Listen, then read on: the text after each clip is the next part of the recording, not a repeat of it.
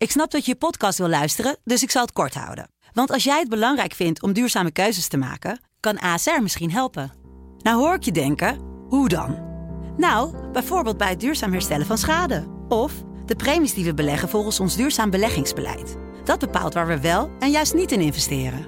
Wil je meer weten over welke duurzame keuzes ASR maakt? Ga dan naar asr.nl/slash duurzame keuzes. ASR doet het. Zo, dan kan je nu lekker naar je podcast luisteren.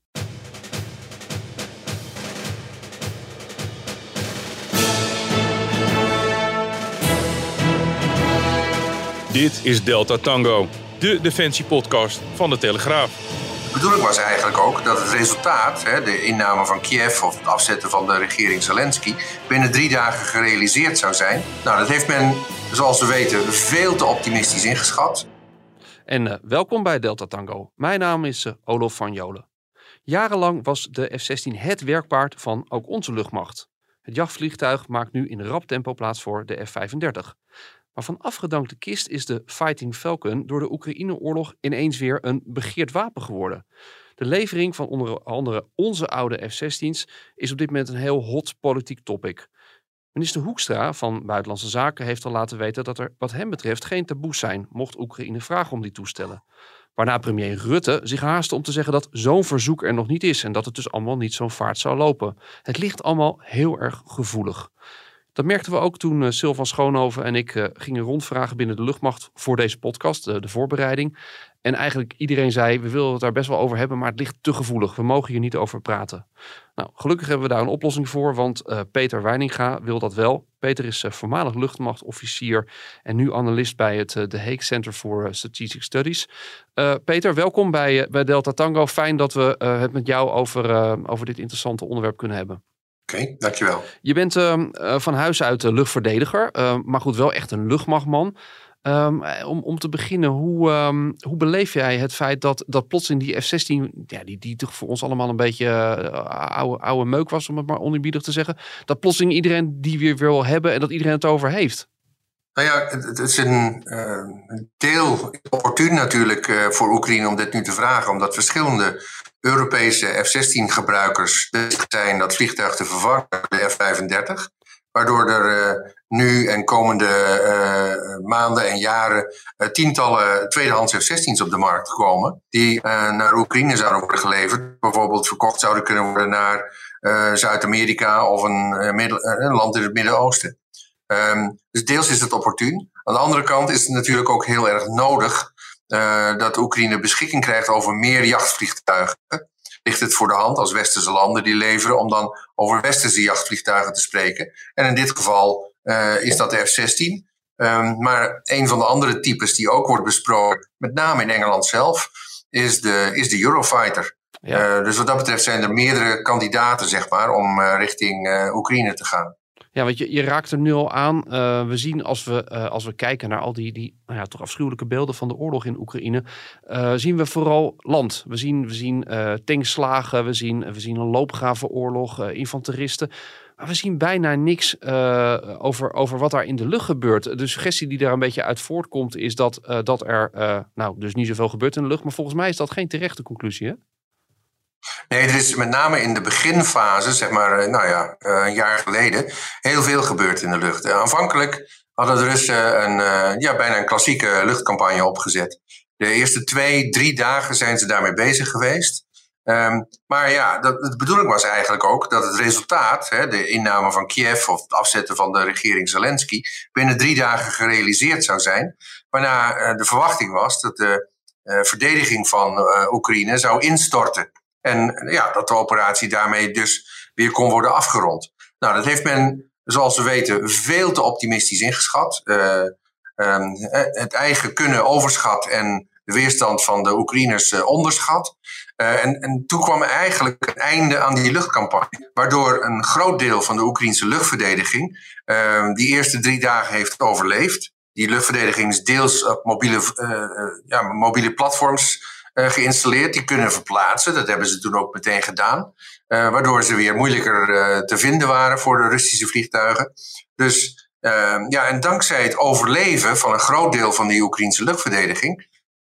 en het daarnaast in grote aantallen leveren van aanvankelijk schoudergevuurde luchtverdediging, stingerachtige wapens.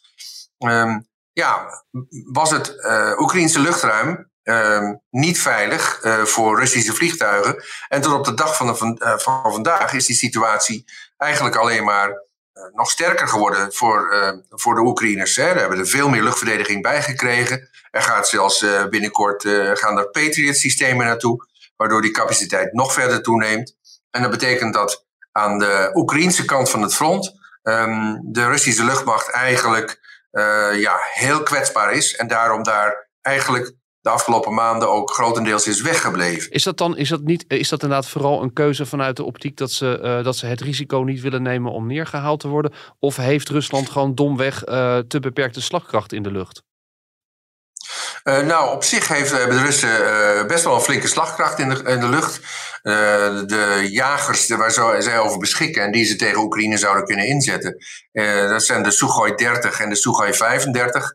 Dat zijn vliegtuigen, met name de 35, maar de F-16 eigenlijk, als je die hè, bij wijze van spreken één op één tegen, me, tegen elkaar uh, inzet, er niet tegenop gewassen zou zijn. Uh, dus, um, dus in die zin um, beschikken de Russen best wel over wat, wat slagkracht. Um, het probleem aan de Russische kant is dat Russische vliegers over het algemeen genomen veel te weinig vlieguren maken per jaar en daardoor eigenlijk niet voldoende getraind zijn om uh, alle taken die je met het vliegtuig zou kunnen uitvoeren, naar behoren uit te voeren. Het probleem is ook dat uh, de Russen niet al te veel van die moderne vliegtuigen hebben, waardoor als je er inderdaad een aantal verliest, je al gauw inboet zeg maar, aan slagkracht. En men wil dat risico dus liever niet lopen. Dus wat we tot nu toe hebben gezien, is dat vliegtuigen wel worden ingezet, maar met name aan de Russische kant van het front om daar toch zoveel mogelijk eigen troepen te ondersteunen. Uh, maar zo wel zodanig dat ze niet dichtbij komen en daarmee binnen het bereik van de Oekraïnse luchtverdediging. En dat betekent eigenlijk ja, dat uh, de, het Russische leger op de grond op zichzelf is aangewezen en niet kan rekenen op voldoende luchtsteun. En aan de Oekraïnse kant geldt min of meer hetzelfde, omdat ze een veel te kleine luchtmacht hebben, die ze uh, ook niet dicht bij het front kunnen inzetten, omdat daaronder in het bereik zouden kunnen komen van de Russische luchtafweer. Dus dat is gewoon de uitdaging. En dan, ja, dan zie je een bijna klassieke grondoorlog, zoals we die in de Eerste Wereldoorlog ook hebben gezien. Ja, over die kwetsbaarheid inderdaad voor, eh, voor vijandelijke, vanuit Oekraïns perspectief dan gezien, luchtverdediging, wil ik het zo nog even hebben. Maar de, de, er worden dus niet zoveel, uh, wordt er überhaupt nog gevlogen door de Oekraïnse luchtmacht? Zijn die nog operationeel? Ja hoor, er wordt wel gevlogen, maar dat is een, een tiental sorties, zeg maar, vluchten per dag, maximaal. Um, en alleen in omstandigheden waarin ze zich redelijk veilig waren om Russische doelen aan te vallen. En is dat dan vu vuursteun die ze geven? Dus uh, steun aan grondtroepen wat ze doen? Dat is deels vuursteun, uh, het is deels ook verkenning, het is deels ook gewoon ja, Russische posities aanvallen, daar toe in de gelegenheid zijn. maar ja, het, weet je, als je daadwerkelijk een, een gezamenlijke luchtgrondcampagne zou voeren, dan moet je veel meer van dit soort vluchten zien, waarbij er ook ja, hele nauwe samenwerking is uh, tussen uh, luchteenheden en grondtroepen. en dat moet je ook heel goed trainen eigenlijk. Dus dat is niet zo makkelijk gerealiseerd hoor. Ja, dan komen we nu inderdaad op dat punt van die, van, vanuit onze op, optiek gezien dan die F-16's. wellicht ook andere westerse toestellen. Um, ja, zou, zou dat een groot verschil maken in jouw optiek als, als daar nu een, een substantiële levering van dat soort kisten zou worden gedaan? Ja, kijk, je kunt verschillende dingen doen met een F-16. Dat, dat, dat, maakt het zo'n ideaal type vliegtuig. Uh, je kunt er luchtverdediging mee leveren, je kunt er verkenning mee doen en je kunt er uh, strategische doelen hè, diep in het achterland uh, van Rusland mee aanvallen, als je dat zou willen. en je kunt er grondsteun mee leveren. Dat betekent dicht bij het grondgevecht steun uitbrengen voor je eigen troepen en daarmee de vijandelijke troepen ja, met, met raketten en bommen bestoken. Um, het is precies, het, het, ligt er een beetje aan hoe Oekraïne uh, dat vliegtuig wil inzetten. Wat je in ieder geval zou kunnen doen, is de gaten in de Oekraïnse luchtverdediging, die er nog steeds zijn, hè, want er komen nog steeds bij uh, massale aanvallen komen er voldoende raketten doorheen om flink veel schade aan infrastructuur te veroorzaken. Die gaten die zou je kunnen opvullen met bijvoorbeeld F-16 patrouilles. F-16 zijn goed in staat om met name de grotere kruisvluchtwapens te onderscheppen. Oké. Ehm, en, en uit de lucht te halen. Dus, dus, dus dat zou je punt 1 kunnen doen. Als je met de F-16, of wat voor een jachtvliegtuig dan ook, hè, of het nou de Eurofighter is, of misschien zelfs uh, Poolse MIGs, hè, wat ook nog een optie is, en misschien wel sneller realiseerbaar, uh, dan moet je een vorm van uh, luchtoverwicht creëren ehm, op, op die plekken op het front waar je die luchtsteun nodig hebt. Um, ja, dat zou je eventueel kunnen doen met lange afstandswapens, waar de Oekraïners binnenkort de beschikking over krijgen, die ze met de HIMARS kunnen afvuren en die een bereik hebben van 150 kilometer. Dan zou je Russische radarsystemen en misschien zelfs luchtverdedigingssystemen kunnen uitschakelen. En ja, in het window wat je dan creëert op een bepaalde plek op het front, dat zou je moeten coördineren met een grondactie van de Oekraïners. Dan kun je gezamenlijk daar, uh, zeg maar, eventueel een, een, een, doorbraak proberen te bereiken. Uh, dat zou je kunnen doen. Maar goed, ik, ik schets al een aantal voorwaarden die voor die tijd moeten zijn uh, ingevuld. Ja, wat, überhaupt aan wat voor aantallen zou je moeten denken? Wil het een beetje effectief kunnen worden? Um, wat, um, als je kijkt naar de Oekraïnse behoeften, uh, dan uh, zouden zij het liefst beschikken over een dertigtal F-16's, verdeeld over twee squadrons. Dat is helemaal niet zoveel eigenlijk. Nee, maar dat zou voor hun al een enorme uh, zeg maar verbetering uh, betreffen. Het is inderdaad niet verschrikkelijk veel. Kijk, je, moet, je kunt ook niet in één keer 100 F-16's bij wijze van spreken die kant op sturen. Want de organisatie van de Oekraïnse luchtmacht moet dat kunnen absorberen. Uh, weet je, die moet daarop ingericht zijn om de, dat soort aantallen vliegtuigen te bemensen, te onderhouden, infrastructuur daarvoor te hebben, et cetera. Dus het is de vraag of de Oekraïnse strijd, luchtstrijdkrachten dat kunnen. Maar blijkbaar hebben ze voor zichzelf ingeschat dat het met een aantal van 30 uh, zou, zou moeten kunnen. Ja, want het is een interessant punt wat je maakt inderdaad. dat is natuurlijk, wij zien een, een, vliegtuig met, met iemand achter de stuurknuppel, maar, maar om zo'n ding operabel te houden en, en te hebben, is natuurlijk veel meer nodig. Hè? Zou überhaupt uh, zou dat kunnen? Als je nu zou zeggen, ik noem wat, Nederland die, die schenkt van onze afgedankte F-16's uh, tien van die toestellen en andere landen ook. Maar, maar kan überhaupt de Oekraïnse luchtmacht die dingen opereren? Of, of is dat veel te ingewikkeld? Nou, kijk, het, het vliegen op zich, puur het vliegen, zeg maar het sturen ja. van een, een vliegtuig, dat is uh, relatief makkelijk. F-16 worden Nederlandse vliegers ook gezegd. Het is een relatief makkelijk te vliegen toestel. De uitdaging zit hem in het opereren van de systemen aan boord, de wapensystemen. Um, de, de luchtverdedigingssystemen, de radar, de aanvalsystemen. Uh, uh, met name ook de laser, zeg maar, pointer, hè, dus de doelaanwijzer. Lasergeleide bommen, ja. ja. Ja, om lasergeleide bommen uh, af te vuren of uh, te gooien. Um, dat soort zaken, dat, daar gaat de meeste tijd in zitten qua training. Dat zou, nou ja, door de band genomen, afhankelijk van de, uh, het ervaringsniveau van de vliegers die de Oekraïne, die Oekraïne zeg maar, zou opleiden, zou dat zes tot negen maanden zou je dat moeten doen. Maar wat een, een stap verder is en veel meer training vergt, is bijvoorbeeld samenwerking met grondstrijdkrachten. Met name in wat we dan noemen close air support. Hè? Dat is uh, uh, Nederlands zeggen we dan luchtnabijsteun. Dus dat betekent eigenlijk dat die vlieger in zijn cockpit praat met infanteriesoldaten op de grond. Die behoefte hebben aan het uh, vernietigen van een bepaald Russisch doel. En die hem eigenlijk, die vlieger, voldoende uh, informatie moeten geven, zodat hij dat doel kan vinden en aanvallen. Echt op het doel. Dat vergt heel veel training. Het op het doel praten. dat is de, de hogeschool van, de, van samenwerking eigenlijk. Ja. Uh, en dat zal niet zo um, maar op één, uh, zeg maar, nou ja, in een, in een paar maanden gebeurd zijn. Daar heb je echt veel meer tijd voor nodig.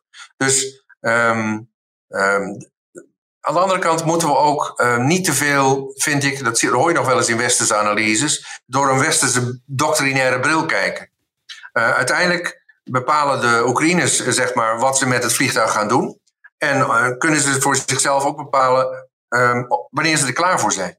En dan zullen ze ongetwijfeld in onze ogen bochten afsnijden en daar risico's mee lopen. Maar ja, weet je, als, het als je verwikkeld bent in een strijd op leven en dood, wat je eigenlijk wel kunt zeggen van Oekraïne, uh, dan, uh, dan ben je bereid dat soort risico's te lopen. Dus um, uiteindelijk is het aan hun om te bepalen wat ze ermee gaan doen. Maar ook in praktische zin, hè? want dan hebben we het nog alleen maar over het vliegen. Maar dat toestel moet Ja. onderhouden worden. Die moet, eh, Ja. dat, hè, dat is, het is een heel, toch een complex eh, wapen waar je eh, heel Ja. hoog technologisch geschoold personeel voor nodig hebt. Zou dat wel bij een Oekraïns squadron kunnen? Of zou je dat dan bijvoorbeeld op een of andere manier eh, wel in NAVO-gebied moeten gaan doen? Nou, kijk, dat is natuurlijk het, het risicovolle eraan. Ook voor de NAVO of voor, voor NAVO-land waar het eh, plaatsvindt. Ehm, kijk, je hebt eerste lijns en tweede lijns onderhoud. Ehm, dat is het belangrijke, zeg maar, om op korte termijn te realiseren voor Oekraïne. Het eerste lijns onderhoud gebeurt eh, op de lijn. Dat wil zeggen, op de positie waar de vliegtuigen worden ingezet. Zo'n vliegtuig komt terug. Een vlieger die meldt een aantal klachten. Die moeten worden verholpen voordat het vliegtuig weer inzet. Oorspronkelijk was het de bedoeling eh, van de F-16 ontwikkelaars, ontwerpers, dat je dat zou doen met wat ze wel noemen line replaceable units. Met andere woorden, componenten die je gewoon uit het vliegtuig trekt en daar een, eh, een goed werkend component voor in terugtrekt. Eh, terugduwt, als het ware. En dan zou het snel weer inzetbaar moeten zijn. Nou, de praktijk heeft uitgewezen de afgelopen jaren dat het iets ingewikkelder is. En dat je gewoon toch wel eh, af en toe eh, ja, diepgaand onderhoud ook op de lijn moet kunnen uitvoeren om een vliegtuig weer inzetbaar te krijgen. Nou, tweede lijns onderhoud, daar heb je monteurs voor nodig die nog veel verder zijn ingevoerd in het systeem, veel ervarener zijn en, dus ook een veel langere opleiding eh, vergen voordat ze zover zijn. Ehm, dat zou je, eh, ja, dat moet je natuurlijk uiteindelijk ook in Oekraïne organiseren. Je zou in het begin als optie kunnen zeggen dat we doen dat in, bijvoorbeeld in Polen. En eh, we doen dat met westerse instructeurs. Ehm, en die eh, leiden dan tegelijkertijd eh, zeg maar hun Oek- Oekraïense collega's op. Dat zou je kunnen doen. Maar ja, dan wordt Polen eigenlijk toch wel, hè, als je de, de plek in Polen waar dat gebeurt, wordt eigenlijk een potentieel doel natuurlijk voor, voor Russische aanvallen. Ehm, omdat ja, op dat moment Polen toch wel heel actief betrokken is bij het ondersteunen van eh, F-16-operaties van de Oekraïners. Dus dat, daar zit een enorm risico in. Dus dat maakt het eigenlijk ook moeilijk om zo'n optie snel te kunnen realiseren voor Oekraïne. Ja, dat is heel interessant, hè? want die factor tijd, je haalde hem zelf ook al aan. Eh, dat land dat, dat, dat heeft een, voert een gevecht eh, op, van leven op dood, van, van zelfstandig blijven of worden ehm, ingenomen door, door vijand. Dus je, je hebt eigenlijk, die tijd is er bijna niet om inderdaad maandenlang eh, opleidingstrajecten en trainingstrajecten in te stellen. Nee, en, als je dat gewoon in het buitenland doet, dan, dan heb je de tijd, laat ik het zo maar zeggen. Maar eh, als het gaat om die logistieke ondersteuning, met name die technische ondersteuning, ja, dan ben je daar gewoon veel tijd aan kwijt. eh, ehm, en ja, dat kun je niet snel genoeg regelen, denk ik. Eh, daarnaast, je moet ook infrastructuur aanpassen. Een F-16 eh, door zijn luchtinlaat onder die neus, dat is een grote stofzuiger. Ehm, en dat betekent dat eh, startbanen en rolbanen zeg maar, op een vliegveld geschikt moeten zijn om met dat vliegtuig eh, te werken. Dus eh, helemaal vrij moeten zijn van gruis die in die motor kan worden gezogen en die motor kan beschadigen, waardoor dat ding gewoon niet inzetbaar is.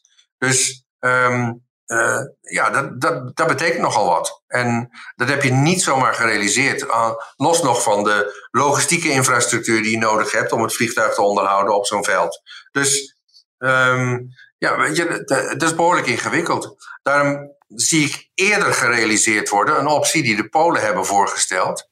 Hè, dat er MiG-29's worden geleverd, die eh, in de afgelopen 30 jaar toch ook wel op NAVO-standaard zijn gebracht. En door de Polen ook binnen de NAVO worden gebruikt.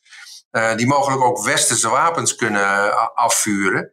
Eh, dat kun je sneller regelen, omdat de Oekraïners in feite al een organisatie hebben die dat kan ondersteunen. Ja. Vliegers met ervaring op de MiG-29. Dus dat kun je veel sneller realiseren. Alleen Polen heeft voorwaarden gesteld daarvoor. Wil dan zelf F-16's geleverd hebben. Eh, ja, weet je, en dat maakt het natuurlijk weer een, eh, een extra obstakel om tot zo'n stap te komen. Hebben de Polen nog veel van die MIGs in bezit? Zouden dat er voldoende zijn om die, om die behoefte eh, vanuit Oekraïne te vervullen? Ik weet niet precies hoeveel, maar goed, aangezien de Oekraïnse behoefte ongeveer 30 is, dan eh, lijkt het me eigenlijk wel realiseerbaar. De Poolse MIGs worden op dit moment gebruikt. Die maken deel uit van hun slagorde in de lucht. Ehm, ja, en, dat, en, dus begrijp ik ook wel de eis van de Polen. Als die dingen leveren, dan moet er iets anders achteraan komen, waardoor onze slagorde weer eh, zeg maar op het juiste niveau is. Ja. Ehm, wat je dan wel bedenkt, hè, van als, uh, als aan Oekraïnse zijde uh, het hoeveelheid, uh, de hoeveelheid slagkracht in de lucht wordt opgevoerd, roept dat dan niet automatisch ook weer een reactie af van de Russen? Dat ze dan denken, ja, dan, dan gaan wij alsnog wel meer vliegen en wel misschien grotere risico's nemen met onze kisten? Misschien. Kijk, er zal zonder meer een reactie komen. Het zal eerst moord en brand geschreeuwd worden door Poetin en de zijnen, van dat het weer een rode lijn is en, en, en escalatie en noem maar op. Uh, maar goed, dat, dat kennen we wel, zo langzamerhand. Um, um, maar goed, het kan ook zijn inderdaad dat hij dan toch zijn eigen luchtmacht uh, ook gaat inzetten. Ja, die mogelijkheid is er. Uh, er is al sprake van dat de Russen ongeveer 200 kilometer ten oosten van de Oekraïnse grens vliegvelden, vliegtuigen hebben samengetrokken op bepaalde velden, van waaruit die Oekraïne wat intensiever zou kunnen bestoken. Um, ja, mogelijk plannen ze daar al op. Dus uh, gaan we daar ook meer van zien. Het fascinerende is dat je toch denkt van... Uh, waar, waar moderne oorlogsvoering altijd als randvoorwaarde heeft dat je luchtoverweg moet hebben. En dat dat ook het eerste is wat je moet realiseren. Dat je denkt van waarom hebben de Russen niet, niet eerder harder doorgeduwd. Dat, dat blijft, blijft fascinerend. Ook dat je nu denkt, als, als de Oekraïners dan hun slagkracht opvoeren, zou dat dan wel de doorslaggevende factor in deze oorlog kunnen worden? Ja, ik snap wat je bedoelt hoor. Maar kijk, de Russen hebben het eigenlijk gewoon opgegeven. Na drie dagen, uh, ze, ze, hadden gepland op drie dagen. In drie dagen moet het allemaal rond zijn. Nou, dat was het niet. En daarna hebben ze het eigenlijk erbij laten zitten. En dat gaf Oekraïne de tijd om zich via het Westen te bewapenen met extra luchtverdediging. Waardoor het gewoon nog moeilijker werd om dit erop te starten.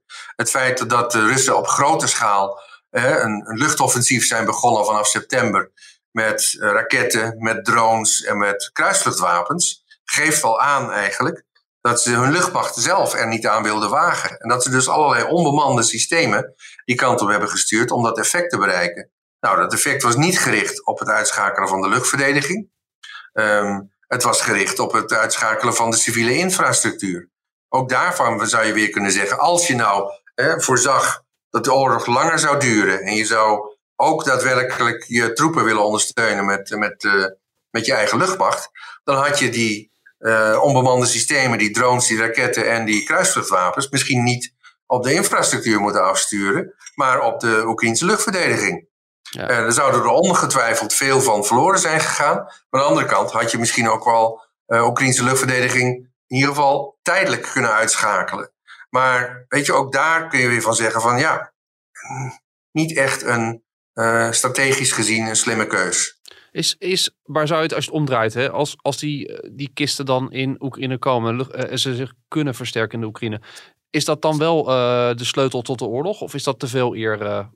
Nee, je moet van geen enkel wapensysteem um, um, verwachten dat het meteen een gamechanger is. in die termen wordt er vaak over gesproken natuurlijk. Hebben we met de tank ook gehad. Ja. Maar als je in de combinatie van alles als je dat op de juiste manier, uh, wijze weet te orchestreren, is het eigenlijk.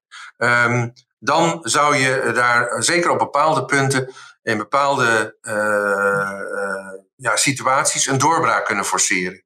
Maar dan ben je er nog niet natuurlijk. Hè? Een doorbraak op het front wil nog niet zeggen dat je de oorlog gewonnen hebt.